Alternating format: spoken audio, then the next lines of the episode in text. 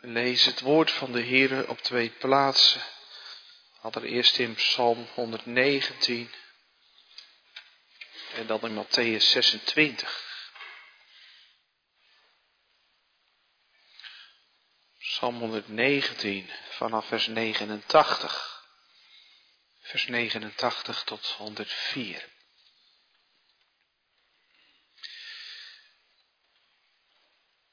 Daar klinkt iets in door van hoe vreugdevol en geweldig het is om te mogen leven aan de hand van het woord van de Heere. Voor eeuwig, Heere, staat uw woord vast in de hemel. Uw trouw duurt van generatie op generatie. U hebt de aardige grondvest zodat ze blijft staan. Volgens uw bepalingen blijven zij ook heden nog staan, want zij alle zijn uw dienaren. Als uw wet niet mijn bron van blijdschap geweest was, dan was ik in mijn ellende vergaan. Ik zal uw bevelen voor eeuwig niet vergeten, want daardoor hebt u mij levend gemaakt. Ik ben de uwe, verlos mij, want ik heb uw bevelen gezocht. Goddelozen hebben op mij geloerd om mij om te brengen. Ik let op uw getuigenissen. Aan alles, hoe volmaakt ook, heb ik een einde gezien, maar alleen uw gebod is onbegrensd. Hoe lief heb ik uw wet. Hij is heel de dag mijn overdenking. Uw geboden maken mij wijzer dan mijn vijanden, want zij zijn voor eeuwig bij mij. Ik ben verstandiger dan al mijn leraren, want uw getuigenissen zijn mij tot overdenking. Ik heb meer inzicht dan de ouderen, omdat ik uw bevelen in acht genomen heb. Ik heb mijn voeten weerhouden van alle slechte paden, opdat ik mij aan uw woord zal houden. Ik ben niet afgeweken van uw bepalingen, want u hebt mij onderwezen. Hoe zoet zijn uw woorden voor mijn gehemelte, zoeter dan honing voor mijn mond. Door uw bevelen krijg ik inzicht. Daarom haat ik elk leugenpad.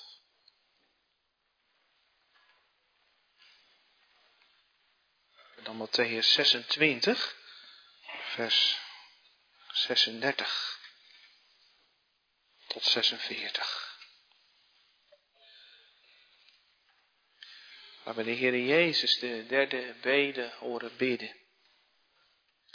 Matthäus 26, vers 36. Toen ging Jezus met hen naar een plaats die Gethsemane heette en zei tegen de discipelen, ga hier zitten terwijl ik daar ga bidden. En hij nam Petrus en de twee zonen van Zebedeus met zich mee en begon bedroefd en zeer angstig te worden. Toen zei hij tegen hen, mijn ziel is zeer bedroefd tot de dood toe, blijf hier en waak met mij.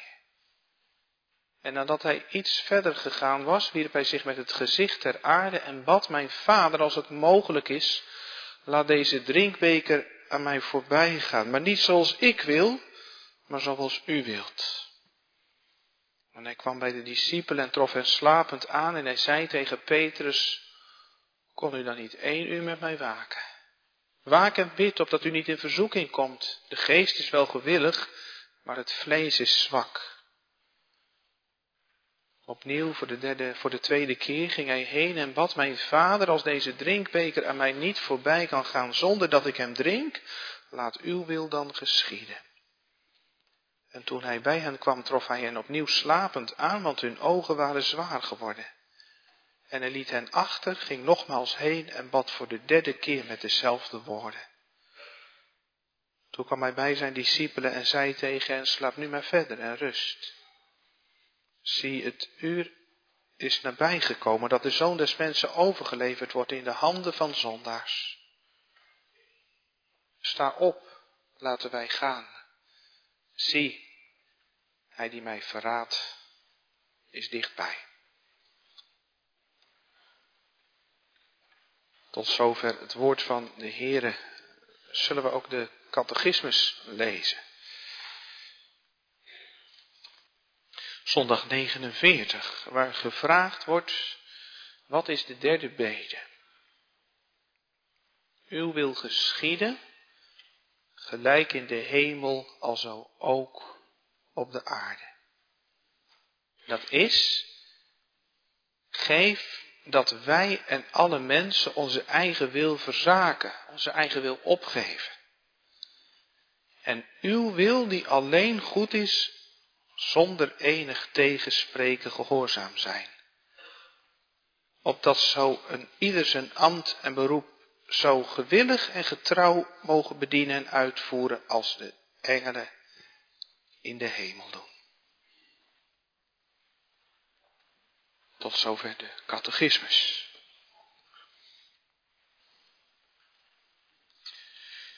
Jongens, wil jij altijd precies hetzelfde als je ouders willen? Of wil je ook wel eens wat anders? Ik denk het laatste. Zo was het tenminste bij mij toen ik uh, jonger was. Je mobiel blijft s'nachts beneden. Waarom dan? Vanavond om half elf thuis. Zo vroeg, dan kan ik net zo goed niet gaan. En zo zou je nog tig voorbeelden meer kunnen noemen.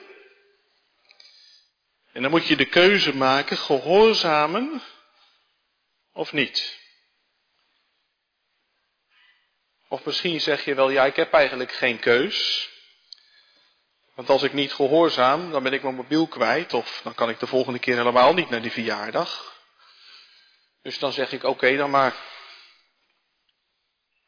Onder protest. Maar als ik later op mezelf woon, dan maak ik mijn eigen regels. Wie van jullie heeft wel eens gevraagd, pa, ma, wilt u mij helpen om gehoorzaam te zijn?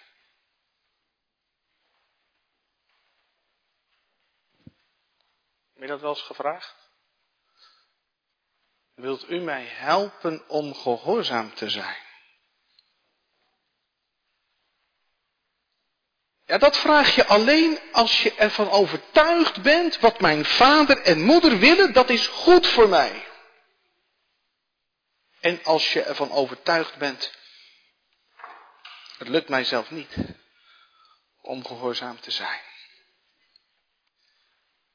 Nou ja, als ik dat zou zeggen, dan zitten we eigenlijk helemaal midden in de derde bede. Want de derde bede, daarmee vragen we, Heere, wilt u mij helpen om gehoorzaam te zijn? Want uw wil is goed en het lukt mijzelf niet. We gaan er naar luisteren met elkaar. Thema voor de preek, leer mij naar uw wil te handelen. En dan vier vragen. In de eerste plaats, wat bidden we eigenlijk als we deze derde bede bidden? Wat bidden we? Als tweede, waarom is dit zo'n moeilijk gebed? En als derde, hoe kan ik het toch bidden? En als vierde, hoe werkt dit in de praktijk? Leer mij naar uw wil te handelen. Wat bidden we? Waarom is dit zo'n moeilijk gebed? Hoe kan ik het toch bidden? En hoe werkt dat in de praktijk? Het doen van Gods wil. Wat bidden we? Die eerste vraag, soms bestaan daar wat misverstanden over. Goed om eerst die vraag te stellen. Afgelopen week was ineens de Titanic in het nieuws weer. In 1985 is het wrak van de Titanic gevonden. En in 1986 kwamen de eerste onderwaterbeelden naar buiten, een paar fragmenten, maar deze week zijn die beelden van toen helemaal vrijgegeven. U kent wel het verhaal van de Titanic, dat imposante passagiersschip waarvan iedereen zei, dit kan niet zinken. Toch gebeurde het in 1912 dat het schip een ijsberg ramde in de Atlantische Oceaan en de romp raakte beschadigd en dat schip liep vol met water. En terwijl dat schip wegzonk in de koude donkere zee was er aan boord van dat schip een geestelijke die hardop begon te bidden, uw wil geschieden. Als een gebed van berusting. We moeten ons neerleggen bij wat hier gebeurt. Dit ongeluk is Gods wil en dat moeten wij accepteren. Maar gemeente, dat is toch niet de bedoeling van de derde bede. Het gaat hier niet over voorzienigheid, maar het gaat hier over gehoorzaamheid. Het gaat er in de derde bede niet over of wij het eens kunnen worden met wat God doet in ons leven, maar of Hij het eens kan zijn met wat wij doen. Dus precies omgekeerd. Want de derde bede is, uw wil geschieden, gelijk in de hemel, alzo ook op de aarde. En dat legt de catechismus ook uit, hè, want het gaat in het antwoord van de catechismus over de engelen. Wij bidden dat het op de aarde net zo wordt als in de hemel. Wat weet je van engelen? Nou ja, dat zijn de gehoorzame schepsels van God. De Heere God hoeft maar met zijn vinger te knippen of ze vliegen. Of dat die engelen nou een mooie taak krijgen. Je zou maar engel zijn en je mag naar het veld van Efrata om te gaan vertellen dat de Heer Jezus is geboren. Zie, ik verkondig u grote blijdschap die voor alle volken wezen zal. Namelijk dat u heden geboren is de zaligmaker, welke is Christus de Heere. Ik had die engel willen zijn. Maar engelen krijgen ook wel eens een moeilijke taak. Bijvoorbeeld om eh, Adam en Eva te verdrijven uit de hof van Eden. Of, of die verderfengel in de nacht in de Egypte om de eerstgeborene te doden. Maar die engelen die gehoorzamen zonder tegenspreken. Gabriel gaat naar Jeruzalem. En Zacharias gelooft hem helemaal niet. En een poosje later moet Gabriel naar Maria. Maar dan zegt Gabriel niet, ja Nazareth, maar daar wil ik niet heen.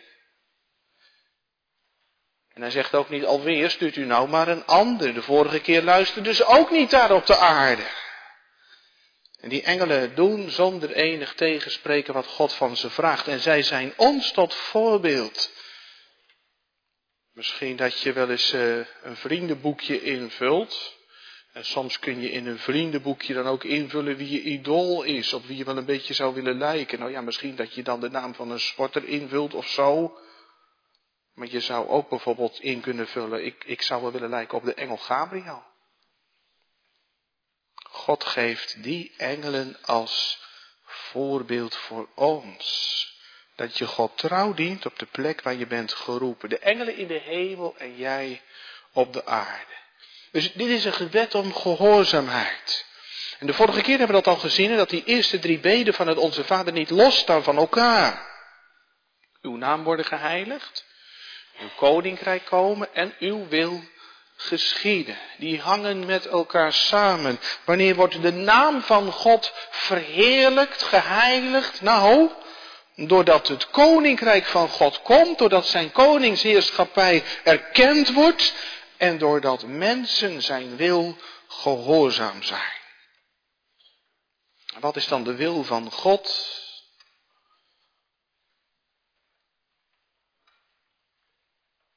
Nou ja, dat u zich bekeert en dat u het evangelie gelooft. Zo waar ik leef, spreekt de Heere Heere. Ik vind geen vreugde in de dood van de goddeloze, maar daarin dat de goddeloze zich bekeert van zijn weg en leef. Dat wil God.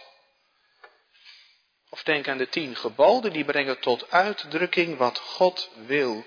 God wil dat Hij alle dagen van de week op de eerste plek staat in jouw leven. Je zult geen andere goden voor mijn aangezicht hebben. En God wil dat jij diep respect hebt voor je ouders en geduld hebt met hun gebreken. Eer je vader en je moeder. En God wil dat je altijd de waarheid spreekt. U zult geen vals getuigenis spreken tegen uw naaste. En je zou heel de Bijbel door kunnen bladeren om te ontdekken wat God wil. God wil dat je bidt, elke dag bidt zonder ophouden. God wil dat je tevreden bent, dank God in alles. God wil dat je de Bijbel leest. God wil dat je je zonde beleidt in plaats van dat je ze in de doofpot stopt. God wil dat je goed voor de schepping zorgt, dat je nadenkt, moet ik met de auto of zou het ook met de fiets kunnen, want ik ben rentmeester. God wil dat je Hem vertrouwt, hoe donker je leven ook is, want Hij zegt, wentel je weg op de Heer en vertrouw op Hem, Hij zal het maken. Het doen van Gods wil, zonder enig tegenspreken. Net zoals de engelen. Van harte. Want dat, dat, zei ik net, je kunt dat soms ook onder protest doen, stampvoeten. Oké dan, omdat u het zegt. En je moet de afwasmachine een keertje extra inruimen, het is helemaal niet mijn beurt en zo. Van harte. Dat is, ik doe het, ik doe het graag voor u. dat bidden we dus met de derde beden. Het is een vraag aan God, geef dat ik zonder enig tegenspreken uw wil gehoorzaam ben.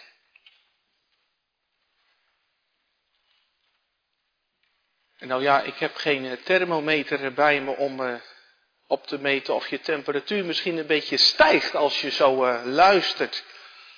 Naar wat eigenlijk de betekenis is van die derde bede.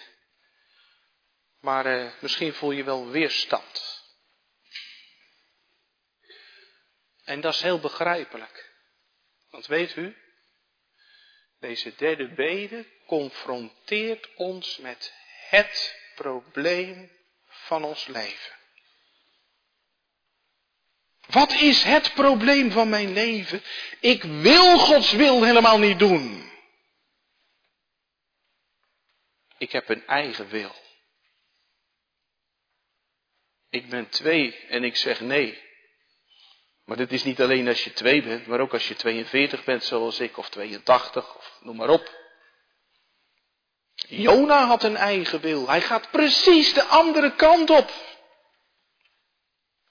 En dat herkent u toch? Dat u een eigen wil hebt. Ik zal een paar voorbeelden noemen, zomaar even van jong tot oud. En dat is altijd gevaarlijk als je voorbeelden noemt. Maar goed, u kunt het zelf dan wel aanvullen vanuit uw eigen leven, hè? Uh, als een ander kind jou een klap geeft, wat wil jij dan? Dan wil je terugslaan. Dat helpt. Maar God, die wil wat anders. Want God zegt, wreek uzelf niet. Maar laat dat over aan uh, het bevoegd gezag. Mama, papa, juf, de meester, de overheid. En vergeld niet kwaad met kwaad, maar overwin het kwade door het goede. En dan merk je dat die wil van jou en die wil van God met elkaar botsen. Of ander voorbeeld, al jouw klasgenoten gaan roken, de een na de ander, en jij weet dat dat niet goed is voor je.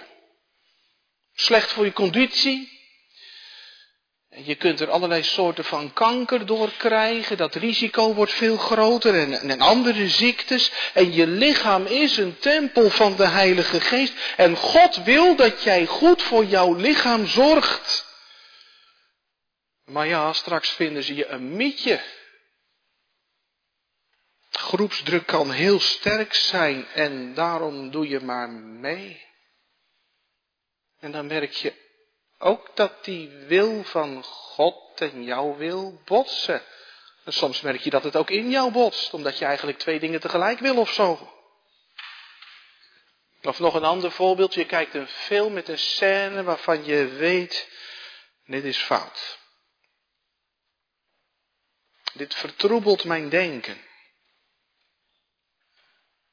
En Gods wil is, heb geen deel aan de zonde van anderen. 1 Timotheus 5. Kijken naar de zonde is net zo erg als de zonde zelf. Je bent net zo schuldig, maar ja, om dan die film uit te zetten. Je wilt wel weten hoe het afloopt. Of nog een ander voorbeeld, je bent het ermee eens dat je niet mag liegen, want het is belangrijk. Dat mensen betrouwbaar zijn. En jij wilt ook dat mensen eerlijk zijn tegen jou. En toch, als je je betrapt voelt op een fout, zit je zomaar ineens een kletsverhaal op te hangen om je eigen straatje schoon te vegen.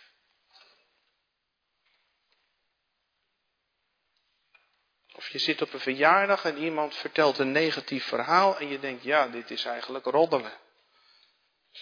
Maar je luistert eerst even, eerst even het verhaal af. Zo nieuwsgierig ben je dan ook wel weer. En, en, en dan, dan zeg je misschien dat het, dat het eigenlijk roddelen is.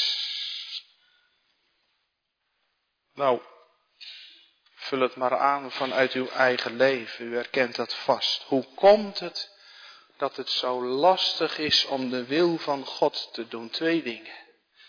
Het eerste is wij wantrouwen de Heere. Is erg. Is erg, is wel waar. Wij verdenken de Heere ervan dat Hij niet het beste met ons voor heeft. Dat zie je toch in het paradijs.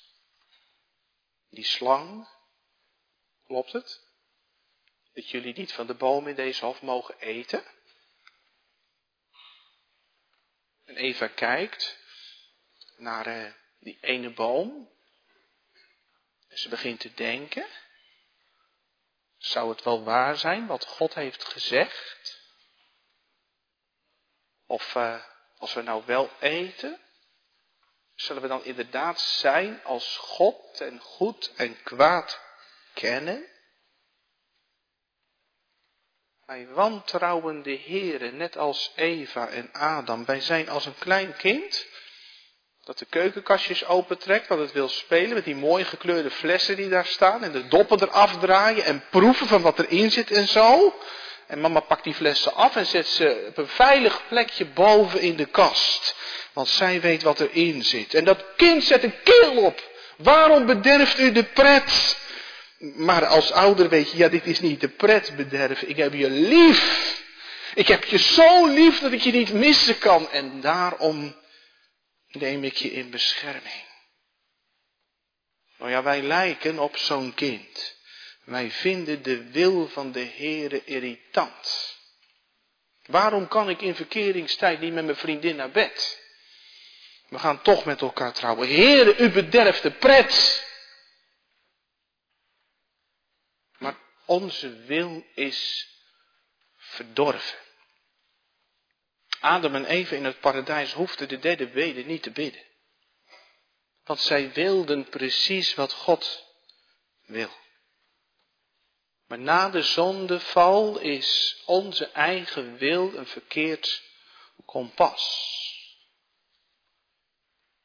En dat brengt ons ook bij het, eh, het, het, de tweede reden waarom het zo eh, lastig is om eh, de wil van God te doen. Wij wantrouwen de Heer, maar ook uh, gehoorzame bost met onze cultuur. Met het autonomie-denken van onze cultuur. Autonomie, dat betekent dat je zelf je wetten maakt. Dat je zelf bepaalt wat goed en fout is. Afgelopen donderdag op de wijkavond zijn we door dominee Klaas helemaal ook meegenomen hè, in hoe onze cultuur eigenlijk in elkaar zit. Een cultuur van sterk individualisme. Dit ben ik. En mijn voorkeuren, mijn verlangens, mijn idealen staan op de voorgrond.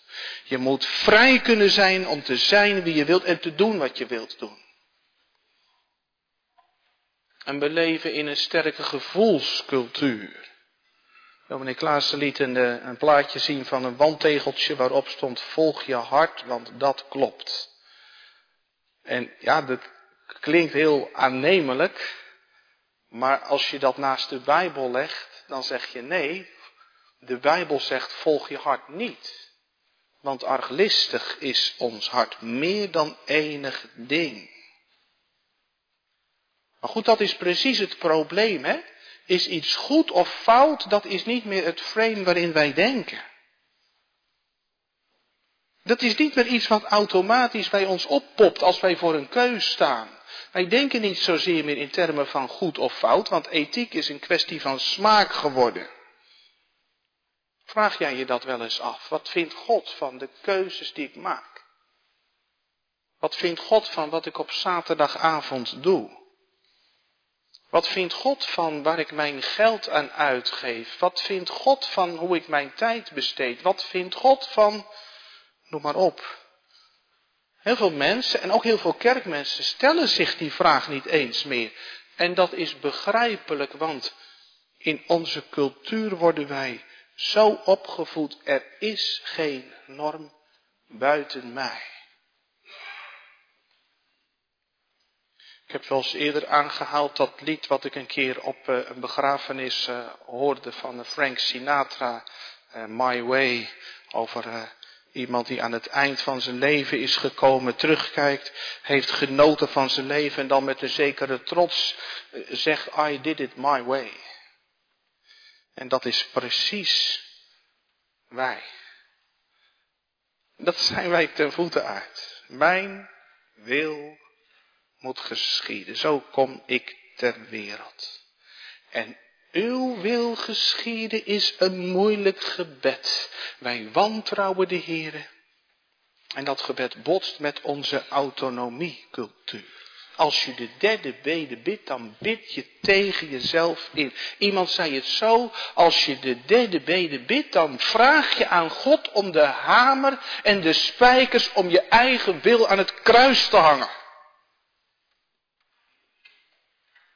Dat gaat ver. Heere God, wilt u mijn wil aan het kruis hangen? Catechisme zegt het zo, geef dat wij en ook alle mensen onze eigen wil verzaken, verlogenen, afstand doen van onze eigen wil. Dat ik mijn wil op het altaar leg. Hoe kunnen wij toch dit gebed bidden? De derde vraag. Als we dan Gods wil helemaal niet willen doen. De Bijbel zegt het kan gelukkig anders worden. Niet omdat ik zelf de knop omzet, maar omdat God de knop omzet. Weet u nog, zondag 1, helemaal aan het begin van de catechismus. Hij maakt mij door zijn heilige geest van harte gewillig en bereid om voortaan voor hem te leven. Dat is het evangelie. God verandert mensen. Hij geeft je een nieuw hart, waardoor je gaat willen wat God wil.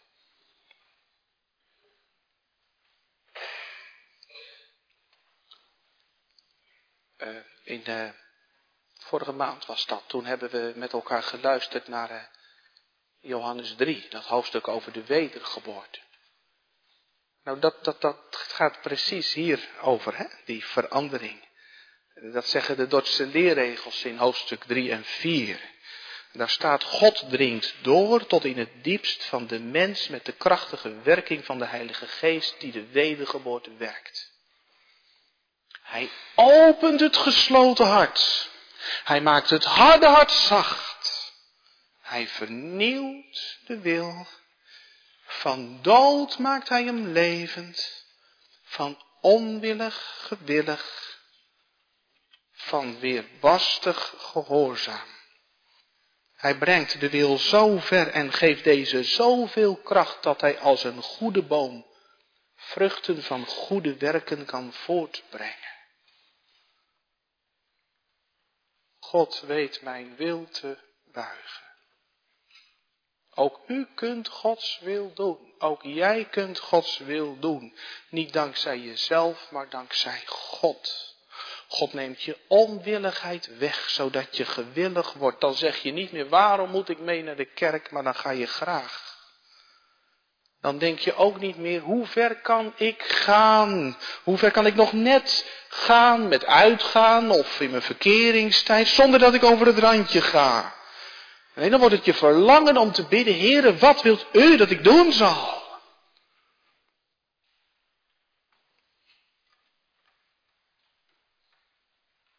Bidt u dat wel eens? Heere, wat wilt u dat ik doen zal? Je hebt er last van gekregen dat je altijd maar je eigen wil wilt volgen. Heere, wat wilt u dat ik doen zal? Als je dat nog nooit hebt gebeden, dan heb je nog je oude hart. En dat is bloedlink. Dan sta je lijnrecht tegenover God. En van God ga je het altijd verliezen. Dan kun je beter capituleren. Maar weet je wat geweldig is? Als je berouw hebt over je eigen wijsheid en je ongehoorzaamheid. Als je dat beleidt aan de Heer en je vertrouwen stelt op de Heer Jezus, dan wil God je leven vervullen met Zijn Heilige Geest. En dan ga je ontdekken dat Gods wil altijd goed is. Altijd. Uw wil die alleen goed is, zegt de catechismus in het antwoord. Dan gaat het van wantrouwen in je leven naar vertrouwen. Gods wil is goed, want God is goed. En dat is het uitgangspunt. Dat is het vertrouwen waar ik in mag leven. En dan ga ik niet de Bijbel lezen en dan zeggen van, oh ja, ja, ja, het staat er wel. Maar ja, dan kun je vast ook anders lezen. En dat was voor toen. En je gaat net zo lang kneden en duwen en trekken totdat het in jouw straatje past. Nee, dan zeg je het is helemaal niet belangrijk wat ik ervan vind. Maar ik wil weten wat de Heer ervan vindt. En daarom is het mijn gebed. Laat mij uw wil verstaan en doen. Zonder enig tegenspreken, zonder gemopper, zonder uitstel, zonder smoesjes. En dat gaat ver. Ik denk even aan Abraham. Hij krijgt in die nacht de opdracht om Isaac te offeren. Zijn enige die hij lief heeft. Dat Gods geschenk. En wat doet Abraham dan? Er staat in de Bijbel dat Abraham morgens vroeg opstaat.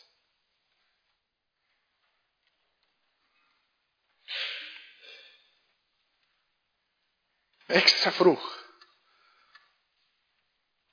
Om in toewijding, in radicale gehoorzaamheid, het offer te gaan brengen wat God van hem vraagt. Ja, ik had gezegd, heren, wat u nu vraagt, dat klopt niet. Dat kan niet. Dat meent u niet. Abraham vertrouwt God. Uw wil is goed. Geloof je dat? Dat Gods wil goed is? Misschien ben je wel eens in een dolhof geweest. En je hebt wel eens een dolhof. Een maisdolhof of zo. En daar staat in het midden een toren waar je uit moet komen. Stel nou dat jouw vader op die toren staat, dus die kan over het hele maisdolhof uitkijken en jij bent nog aan het dwalen in dat dolhof. En dan zegt je vader, waar je nu staat, dan moet je naar links gaan. En jij denkt, ja volgens mij moet ik naar rechts. Maar ja, jij kunt niet zien hoe dat dolhof verder gaat, maar je vader kan het wel zien. En je vertrouwt erop, mijn vader die gaat mij niet de verkeerde kant op sturen en daarom doe je wat je vader zegt, al denk je zelf iets anders. Gehoorzamen, dat is de Heere blindelings vertrouwen. Omdat je weet, God is te vertrouwen. God heeft het allerbeste met mij voor. Dat zie ik op de kruisheuvel. God heeft zo lief de wereld gehad dat hij zijn enige geboren zoon gaf. Hij wil niet dat ik verloren ga, maar dat ik eeuwig leef. Jezus draagt de straf voor mijn ongehoorzaamheid. Hij deed de wil van God. Het doen van de wil van God, dat was voor Jezus zijn eten en drinken. Misschien dat jij straks uit de kerk komt en je denkt, ik heb zin in wat lekkers.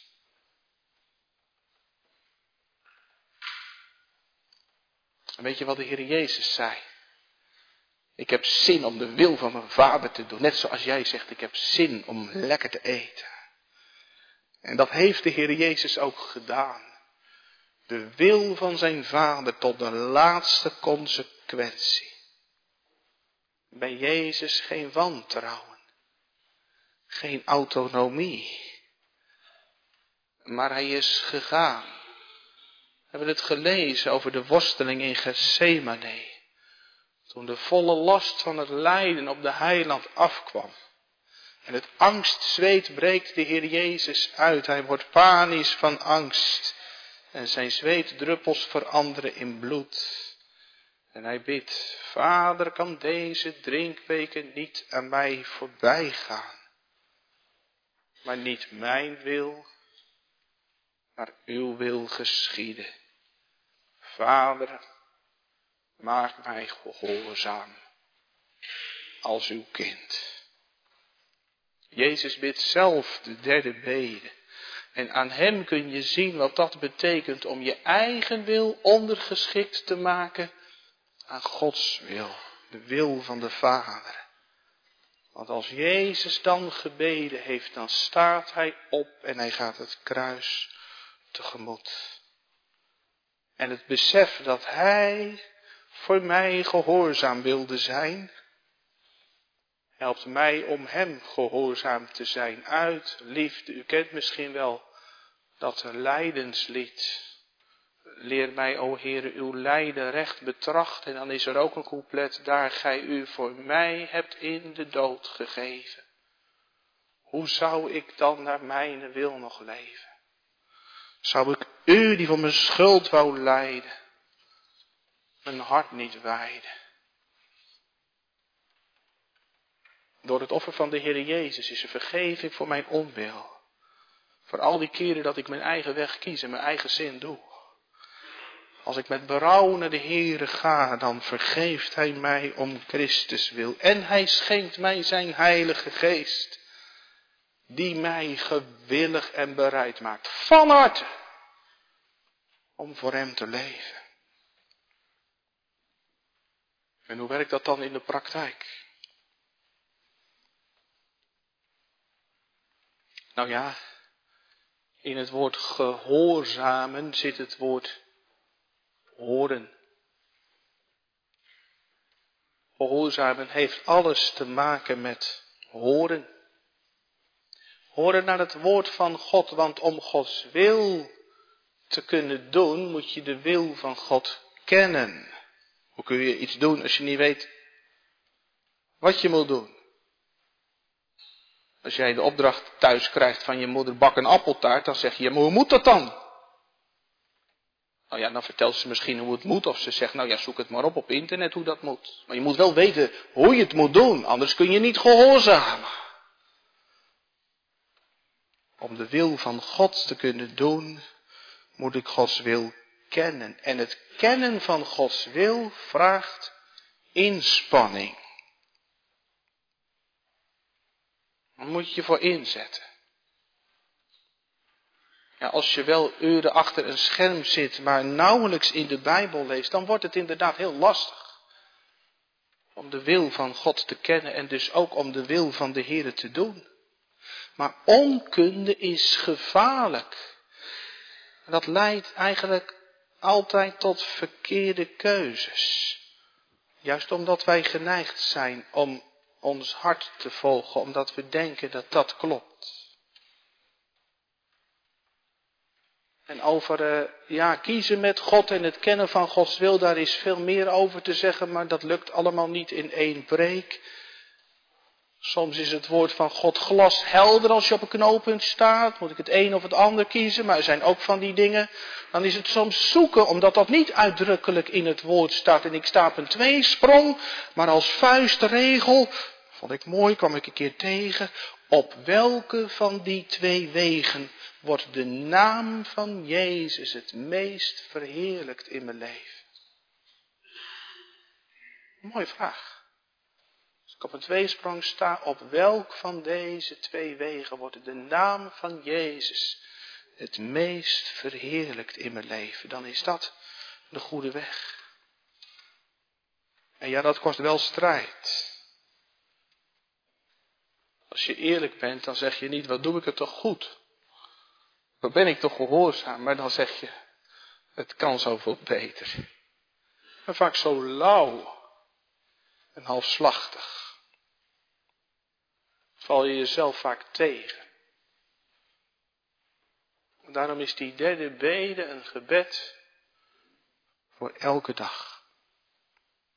Elke dag ontdek ik weer, het lukt me niet.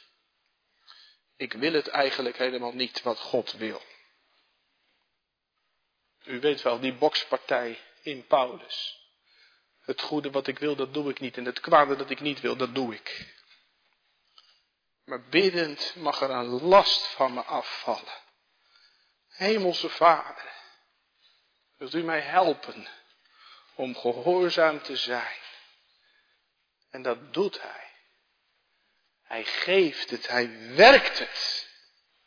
Dat herkent u toch ook in uw leven. Ik heb dat zelf ook heel sterk ervaren toen ik het beroep naar Woudenberg heb aangenomen. Het is natuurlijk niet leuk om te zeggen, maar eh, ik wou eigenlijk helemaal niet. Ik heb me daar hevig tegen verzet. Vooral omdat ik eh, de vorige gemeente niet eh, los kon laten. Totdat het naar me toe kwam. Wie, wie zou nou eigenlijk beter weten hoe het moet met de kerk? Weet jij dat beter of weet ik dat beter? zei de Heer. En, en dacht je niet dat ik je alles zou geven wat je nodig hebt om deze weg te gaan? Het is heerlijk om dan te merken dat de Heer je inwint en gehoorzaamheid geeft. En je overgeven aan de wil van God geeft zoveel vrede. Een vrede die alle begrip te boven gaat. Als u met de Heer leeft, dan herkent u dat vast. Strijd, vrede, vreugde. Vreugde door gehoorzaamheid. Ik denk aan Johannes 2, die prachtige geschiedenis van de bruiloft in Cana. Wat zegt Maria tegen de dienaren op het feest? Dat is Jezus. Wat hij ook tegen u zeggen zal, doe het. En de dienaren vullen de watervaten met water. En ze scheppen het eruit. En ze brengen het bij de ceremoniemeester. En die dienaren die zeggen niet, nou leg eerst maar eens uit waarom. Maar wat gebeurt er? In de weg van de gehoorzaamheid wordt het opnieuw feest. Leven met God is een feest. Holiness is happiness. Leven met God is een feest. Gemeente, let op Jezus. Wat Hij ook tegen u zeggen zal. Doe het. Ja, u hebt gelijk, dan word je vreemdeling op aarde. Maar dat wist u toch. U moet door de enge poort. Dan kun je alleen maar één voor één doorheen. Dan moet je je afzonderen van de groep. Breken met de massa. Soms zelfs met je familie. Maar je hebt wel toekomst. Want de wereld en haar begeerlijkheid gaat voorbij. Maar wie de wil van God doet, blijft in eeuwigheid. Amen.